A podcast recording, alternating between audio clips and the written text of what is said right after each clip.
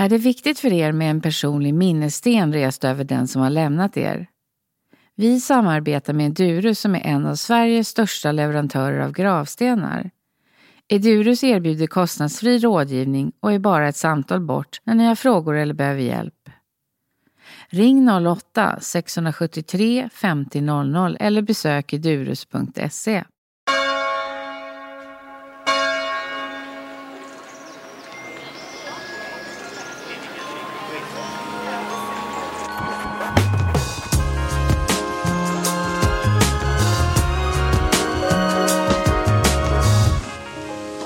Vi är hemma hos Inga Bjärner Åkerlund här i Rättvik. Och du är ju sjuksköterska och du har kommit i kontakt med döden på olika sätt genom ditt yrke. Så du får gärna berätta lite. Ja, jag var på neonatal vård. Mm. Och det är när man vårdar för tidigt födda bebisar. Och där mötte man ju tyvärr döden lite nu och då. Och då brukar jag alltid tänka på den erfarenheten jag själv gick igenom när jag fick ett barn när vi bodde i Tanzania som föddes och dog samma dag. Jag fick då mycket brev hemifrån och sånt. Att oh vad tragiskt. Men ni är unga och det går bra att skaffa ett nytt barn. Och det där retade mig, för det var ungefär som att tappat en slickepinne, ta upp, köpa en ny. Liksom. Mm. Och när jag då jobbar med dessa späda liv, då tänkte jag att allt liv är heligt. Och även det här lilla livet som nästan inte har blivit ett liv. Det är ett liv fullbordat. Vi föds, vi dör. Och däremellan lever vi våra livsspann. De är lika fullständiga och totala hur långa eller korta de är. Det lilla barnet som föds och dör samma dag har ju fötts och har dött. Även om det blir ett väldigt kort spann så var det ett fullkomligt liv för den lilla mm. individen det är viktigt att trycka på livets ja, helighet utan att man ska behöva betygsätta det. Hur många dagar har det levt? Vad har de åstadkommit? Nej, det är så ovidkommande. Har man levt och har man dött, det är det som är värt något. Mm. Och att man inte ska försöka mäta livet. Kunde du se det då, mitt i när det hände? Eller är det nej, någonting det du har lärt dig? Nej, det, det, vet jag för att jag, jag fick besök av eh, biskop Kibira som var i, i, i, närheten där, där vi var. Han kom upp till mig dagen efter vår sons död och sa jag gratulerar. Och då jag tänkte vad hör jag rätt? För det var ju på swahili. Och då, och då sa han, jag gratulerar, nu är du en av oss. För att kvinna i Afrika har alltid minst en barn under jorden. Ja. Och, och det, det, ja, det kändes inte bra då. Men det på något vis hjälpte mig det ändå, det här att han gratulerade till att det hade varit ett litet liv i alla mm. fall. Och sen var det också bra att grannarna kom med maträtter under första veckan efter. För att då skulle jag, vad man kallar, leva i döden. Då liksom fick det vara det väsentliga och jag fick bete mig som jag ville. Och, och folk fanns med med sin närhet och så, hur gick det? Hur är det? Hur kändes det? De vågade fråga det som vi här hemma, och det här var ju på 60-talet, mm. mellan 60 och 70. Och eh, man fortfarande inte frågade sånt. Man Nej. vågade inte prata om döden. Som nu, att det här programmet. Ja. tror jag det öppnar att vi ska kunna leva med varann även när man har det tråkigt och jobbigt. Mm. Och sedan, efter den där veckan, då var livet tillbaka. Då levde man inte i döden, utan då förväntas man delta fullt. Mm. Det var ju som allt när man eh, bor i en annan kultur, att man får eh, försöka anamma den kulturen som är så gott man kan. Och den hjälpte mig då, framför allt mot den här, tyckte jag, konstiga reaktionen som jag upplevde från Sverige i brev och mm. sådär. Så jag har alltid försökt, när jag jobbade på neonatalavdelningen, att man inte bara säga jag får se nu om det kan bli något, kunde folk uttrycka sig. Mm. Vad då bli? Ja, men här har ni ju en liten bebis. Visserligen späd och behöver en massa stöttor och hjälp för att orka med livet utanför livmodern. Men det är ett liv. Mm. Så det upplevde jag att ja, det kanske har blivit lite bättre nu i Sverige, men just att vi inte respekterar livet. Vi kan ju till och med fråga en kvinna som får veta att hon är gravid, ska du behålla det eller ej? Det. Vad då mm. det? Det är faktiskt ett nytt liv som spirar. Sen kan man ta beslut åt olika håll. Det får man ha respekt för, men man ska benämna saken vid dess rätta namn. Mm. Det tyckte jag var viktigt när jag jobbade på neonatalen. Men då jobbade du efter det här i Ja, Afrika. det var, det var när jag kom tillbaka ja. till Sverige igen. Så det, så det kanske också gjorde att du kunde använda dina ord på rätt sätt mot eh, andra föräldrar och så? Ja, just det. För när det blev något och de liksom eh, hajade till, då sa jag, jag, jag har faktiskt upplevt själv. Mm. Och sen var det intressant också att se, och det har ju jag och min man har upplevt också, att kvinnor och män sörjer ofta lite olika. Mm. När föräldrarna var tillsammans och satt vid kuvösen med det lilla barnet så satt ofta kvinnan och får jag sträcka in handen och hålla sådär. Och, hon, och medan pappan då satt och tittade på pip, pip, alla våra apparater som pep. Och liksom, Åh, vad betyder det där? Och, och nu har den där siffran gått ner. Är det bra? Är det dåligt? Och så kände man spänningen däremellan. För kvinnan sa, det är, ju, det är ju den här lilla som gäller något.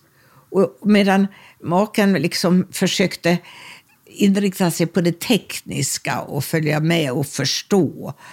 Det kan vara jobbigt när man inte sörjer på samma sätt. För maken var säkert lika fokuserade på, på annat. Mm. Och är man skör och ger sorg så har man dåligt tålamod när den bredvid en gör det på ett annat sätt. Mm. Men jösses, det, det, så, lämna mig i fred med min sorg. Medan man ser att ja, men, all sorg är lika, mm. bara det att uttrycken blir lite annorlunda. Du tyckte att du såg en trend i att det var Ja, jag ofta... såg en trend. Ja. Sen vet jag att man ska inte tala om kvinnligt och manligt Nej. och att vi, det är skillnad på oss. Men jag såg en trend, mm. det har du rätt i. Mm. Som jag tyckte var viktigt att försöka hjälpa och överbrygga. Och, och just få känslan av bonding, som man talar om. Mm. Att man fick anknyta till det lilla barnet genom att försöka hålla hud mot hud om barnets tillstånd tillät det. Men att man såg att vi har fått ett barn. Mm. Får vi behålla det eller ej är oviktigt just nu, för vi har ett barn.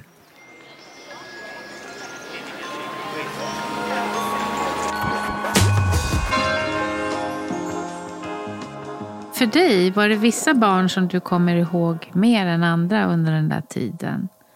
Det var ju ofta långliggarna som ja. blev liggande länge. Och, och mm, för riktigt sköra barn de får ju börja i respirator och kan ha ett dropp innan naveländarna sluter sig. Ja. Och de får ju ligga länge och sen tills de är mindre syrekrävande. Och tills de kan börja anda lite själv med lite stöttning av ja, där kommer man in på tekniska grejer mm. som kanske är onödigt. Men ni måste ju ha fått eh, vara med de barnen mer än föräldrarna? Ja, just det. Ja. ja absolut. Föräldrarna kom och hälsade på. Ja. Och det måste vara en väldigt svår sorg för dem. Mm. Alltså åka hem utan barnet och säkert med saker de hade gjort i ordning för det mm. väntade mm. barnet. Men, eh, men det låg kvar på sjukhuset. Och, ja, ja, den tiden var svår för många. Mm. Men såg man att vissa barn var mer fighters än andra? Ja, ja på något vis kunde man se det. Men eh, som allt, det är individuellt och mm. de lurar en. Men eh, en del förstår man nästan inte hur de orkade. Men eh, att det kan finnas så mycket gry mm. i en liten som kanske väger 550 gram. Mm. Det är fascinerande. Var det ett yrke som du trivdes mycket med? Jag trivdes mycket med det. Sen blev det så att jag var ju lite gammal i gården, så att säga. Det var mycket unga sköterskor. Och då blev det att jag fick ofta hand om eh, på de där som man visste inte kanske skulle överleva eller överleva med grava handikapp. Mm. Och eh, så började tanken då, det var under den tiden förlorade vi en son. Men han var 21 år, så det var nog helt annorlunda. Och det var i slutet på 80-talet man började tala om hospicerörelse i England. Och jag blev lite intresserad av det. Och, och, liksom, och en del tyckte att det var en ytterlighet när jag sen gick över till hospice.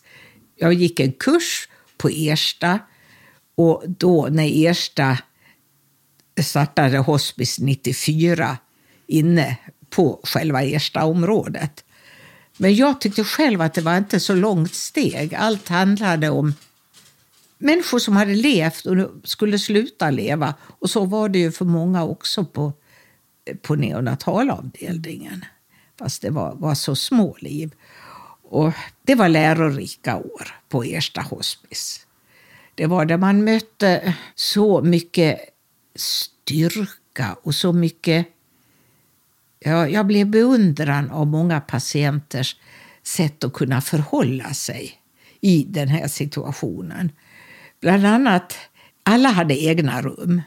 Och när man gick då mellan rummen och hur olika situationen var i känslan i rummet mm. när man kom från den ena till den andra. En kvinna som gjorde väldigt stort inbrott, hon var 24 år och hon hade en son utom äktenskapet. Och det var inte riktigt klart. Pappan till sonen var inte riktigt intresserad. Och, det var, och hon var väldigt engagerad. att Hon hade ju inte tid att dö innan det var uppklarat vem som kunde få vårdnaden om sonen. Mm. Så det pratade hon mycket om. Och så ville hon att man skulle läsa brev som hon hade börjat skriva brev till sonen som han skulle få varje födelsedag framöver. Och, och vad tycker du om det? Ja, det, det, det, var väldigt gripande att leva med i mm. det där. Och sen, några rum ifrån henne, så var det en dam som var 93 år. Och hon tyckte livet var så orättvist. Kan du förstå? Jag har levt hela mitt liv så gott jag har kunnat. Jag har aldrig druckit alkohol. Jag har aldrig beblandat mig med män. Och ändå ska jag drabbas av det här. och, och jag tänkte, ja men hennes slags besvikelse på det liv som varit och det påkallar ju lika mycket medkänsla. Hon stod inför sin död som hon inte kunde acceptera. Mm. Väldigt olika situationer som man eh, fick möta. Och sen var det ju också skönt, de anhöriga fick ju komma och gå som de ville. Jag vet, det var ett par som jag minns väldigt väl. Eh, han hade lungcancer och han var så rädd för att kvävas. hans eh, fru då satt där och han hade det väldigt jobbigt såg jag och när han kom in och hon sa ja, men vi har så mycket osagt. Då sa vi, nej kom inte in på ett tag förrän vi ringer. Nej, och då, de fick ha, hur lång tid kommer jag inte ihåg nu, men sen kom hon ut och sa att nu är det dags. Och, och dog ett dygn senare. Och, och, och, hon fick sitta där och fick se att han inte behövde kämpa. Mm. Vi vet ju alla att när vi väl nu finns här på jorden så ska vi lämna den. Och att man kan försöka hjälpa till så att det inte blir så kvalfullt. För alla drömmer ju om en bara somna in. Och. Men hur kan man hjälpa till? Eller vad menar du med kvalfyllt? Eh, eh, ja, Jo, men dels att man inte ligger på en vanlig vårdavdelning där man har några enkelrum och där ligger de som, ja, där går ronden förbi. För det är inget mer att göra. Mm. Men man pratar inte om det. Men på ett hospice, där pratar du om det. Alltså nu är det ingen idé om att prata och välja olika kurer och mediciner och terapier. Utan det är som det är. Det här kan du inte bli fri ifrån. Men du ska ju leva till sista dagen. Finns det något du hoppas på? Något du önskar? Och, och då kommer det fram. Tänk om jag fick komma ut till sommarstugan en gång till. Tänk om jag fick ha hunden här. Det, och, jag, och det gick ju inte alltid, men i alla fall de fick komma och hälsa på. Mm. Och för vi kunde inte påta oss skötsel och ut och gå med hundar. Men de, de, de måste få vara, om det nu var Matte eller Husses stora önskan. Att man försökte fånga upp... Alla har ju en, ett visst hopp och en viss önskan om liv in i det sista. Och att man liksom befrämjar det så gott man kan. Det är det jag menar, att man försöker lindra. Ja. Så. Men blev du påverkad själv av det här? Eller var det som att man ja. går hem och så... Ja, nej, man blir påverkad. Och det var så att när man tänker, oh, får jag träffa den någon mer gång? Och, man är, ja. och så blir det ju som alltid med människor. Man kommer närmare vissa mm. än andra. Som vårdare skulle jag vara likadan mot alla, men det är klart att det blev eh, speciell kontakt med vissa och det kunde man inte blunda för. Och då, det var inte ett barnhospice utan vi tog hand om patienter från 18 och uppåt. Men så någon gång kom det på gränsfall lite yngre. Jag vet vad en han bara tänk om jag kunde få åka på en Roskildefestival till.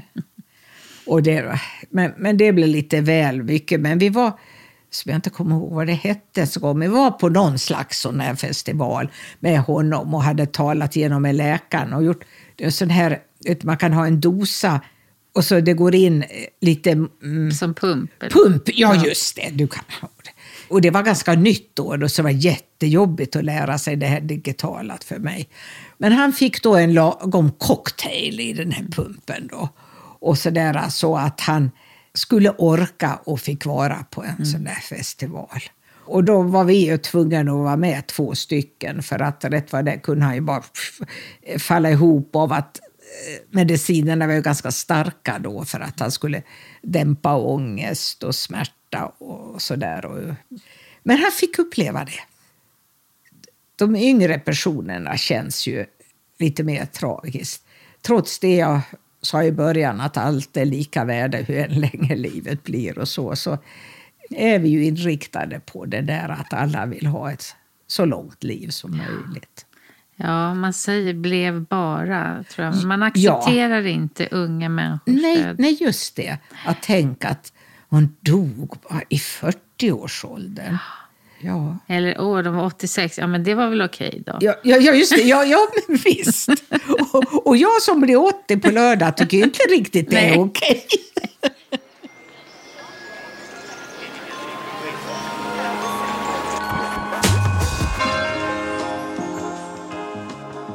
jag tänkte det här att du valde att jobba, att hjälpa barn och vuxna Ja. inför döden kan man Ja. väl säga, eller livet. Ja, Hade det att göra med någonting med det här att du själv förlorade ja ett eller två det. barn? Jag tror det. Jag tror att det var vår lillebror Per som ligger i begravd i Ndulage i Tanzania. Och det var 1900-taltiden. Ja. Och eh, Johan, som är begravd i Stora Tuna, det var att jag sökte mig till hospice. Och mer renodlade det här med avslutet på livet. För att stå ut med det? Ja, för att försöka... mm, Försonas? Ja, på, no, på något vis. För att det är det... Jag tänker då på anonyma alkoholister. Är du i svårigheter så har du lättare sen att hjälpa andra som har samma svårigheter. Och jag kände att jag hade liksom som en uppgift att möta folk i sorg. För på ett hospice har man ju kontakt med de anhöriga också efter döden. Så att man följer upp efter en månad. Liksom, eh, man får komma och prata och hur det känns nu. Och det är viktigt att vi tar hand om varandra. Finns det hospice till alla? Nej, det gör Nej. det inte. Nej. Och sen finns det ju hospice. Nu har ju hospice blivit ett ord på vissa avdelningar också. Det finns en hospiceavdelning i Falun. Och jag ska inte säga något om den för jag har aldrig varit där och vet. Men jag vet att på många ställen så är det att där samlas från de olika delar av sjukhuset de som man vet inte ska överleva. Och så. Men frågan är i, med landstingsregin, eller regio, regionen ska det heta nu, ja, hur ekonomin är. För ett hospice kräver väldigt mycket personal. Mer än vanliga avdelningar. Men det fordrar ju inte en massa provtagningar och en massa... Jag menar, det blir en annan typ av ekonomi, men ofta blir det att det blir mi- mindre personal man har råd med trots allt. Fast, För du kan inte räkna med att du bara går in i ett rum och ska komma ut fem minuter senare efter att ha fixat vad du nu skulle. För att du kan bli kvar där en halvtimme eller mer. Och då måste det finnas någon som gör jobb, det andra jobbet. Ja. Det fordrar mer personal. Och tyckte du att de du arbetade med hade ungefär samma kall eller intresse? Ja, det tycker jag nog. Ja, det vill jag säga. Bor man till exempel som eh, i Stockholm, i eh, något sånär närområde till söder, då kan man ju dessutom få hemsjukvård, eh, hospicevård i hemmet. Ja, ja. Så då åkte man ut när man kallades på. så. Och det finns ju faktiskt här i Rättvik också. Ett eh, team som eh, gör avancerad sjukvård i hemmet, som det heter. Och som kan, om bara de anhöriga orkar, det hänger ju på sjukdomens art och hur, vilka symptom det är som kan vara svårt att stå ut med för anhöriga. Men eh, jag tycker utvecklingen sen jag började i sjukvård på 60-talet har gått fram otroligt. Alltså för att eh, man ser de här mjuka värdena mer. Inte bara att tekniken går framåt, oh, vi kan byta hjärtan, vi kan göra, göra så mycket. Men de flesta av oss behöver ingen nytt hjärta. Men de flesta av oss möter sjukdom och död. Och det måste tas hand om på ett eh, mänskligt sätt.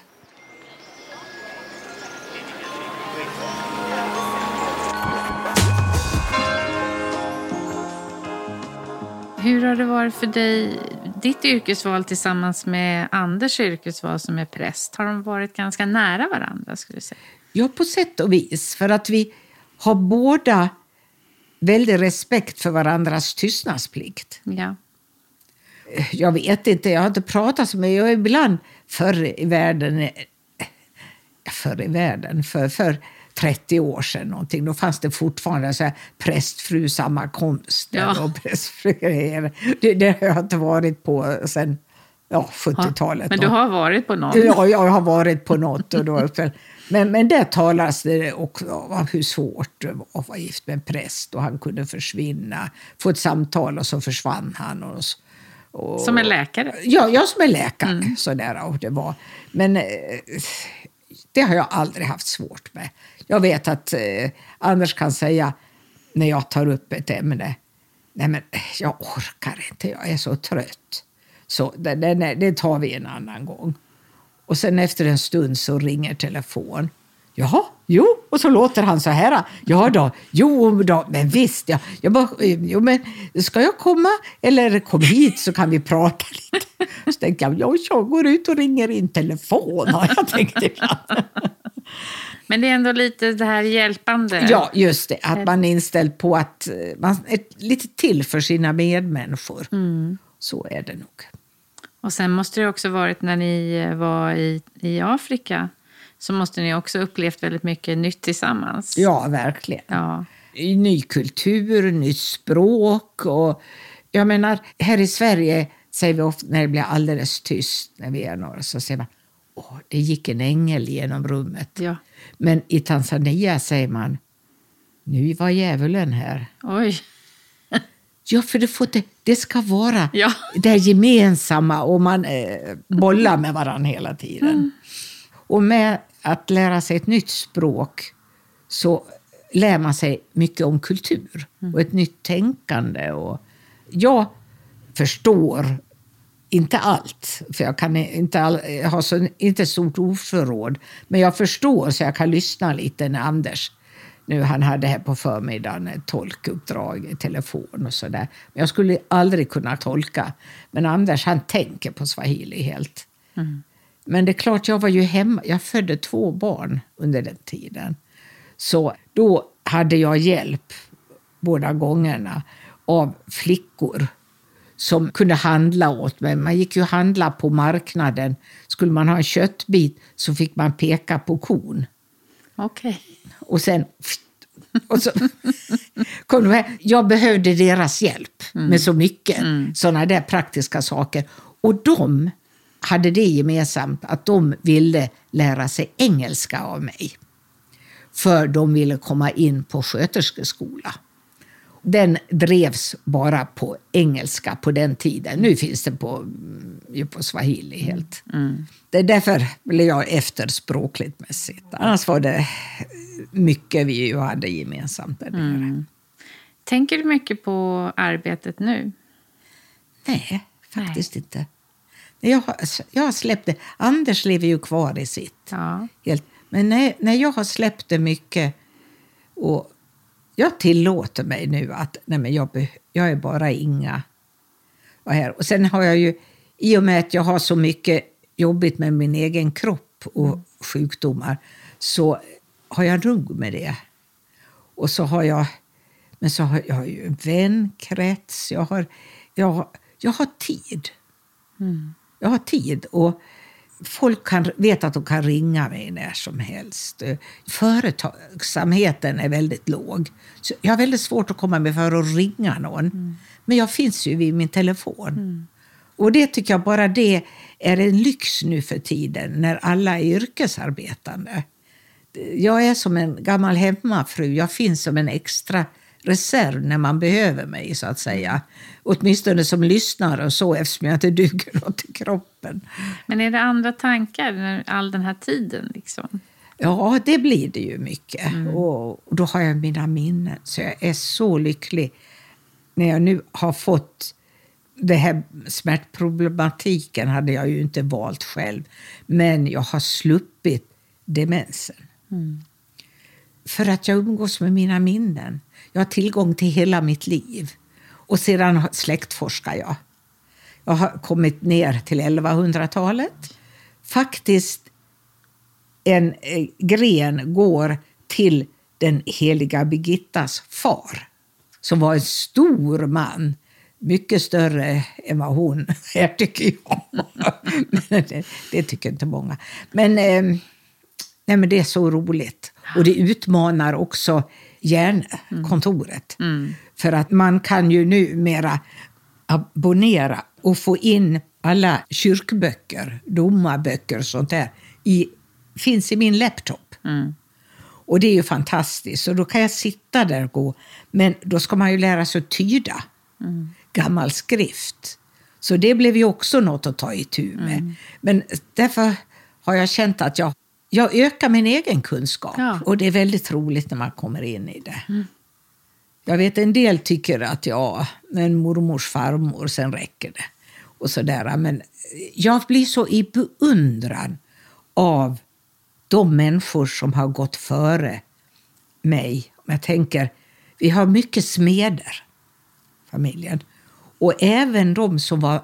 Då har jag fått lära mig om smederna. Och smederna, det är en hel skrå för sig. Alltså som, eh, men även mästersmederna, de fick bara ungefär fyra års kontrakt. Och sen var det att gå till nästa smedja och få anställning. Och där gick då far med en mor efter med barn och ofta ett barn i magen också. Ja. Och komma till ett nytt ställe, värma upp ett kyffe som tillhandahölls och att hålla dem vid liv. Så att generna kunde sen fortsätta så jag finns. Det är fascinerande hur vi är beroende av de som är före oss. Det är som i det afrikanska livsträdet. Ja. Vi är helt beroende av... För att vi blir vi. Och då är det roligt att gå igenom allas liv. Och I gamla kyrkböcker, så när man annonserade att någon hade dött så hölls det ju eh, en parentation av prästen där de beskrev deras liv. Så det är ju väldigt intressant. Man får, får en hel del kött på benen, så inte bara född och död. Och, det. ja. Mina egna minnen ihop med släktforskning och ihop med vänkrets och så. Och så barn och barnbarn. Det, det är fullt tillräckligt. Ja. Ja. Tack så mycket Inga. Gå gärna in och prenumerera på Min död, min begravning. Då får du reda på när nya avsnitt släpps och där kan du betygsätta podden. Och då hjälper du andra att hitta oss. Tack för att du har lyssnat.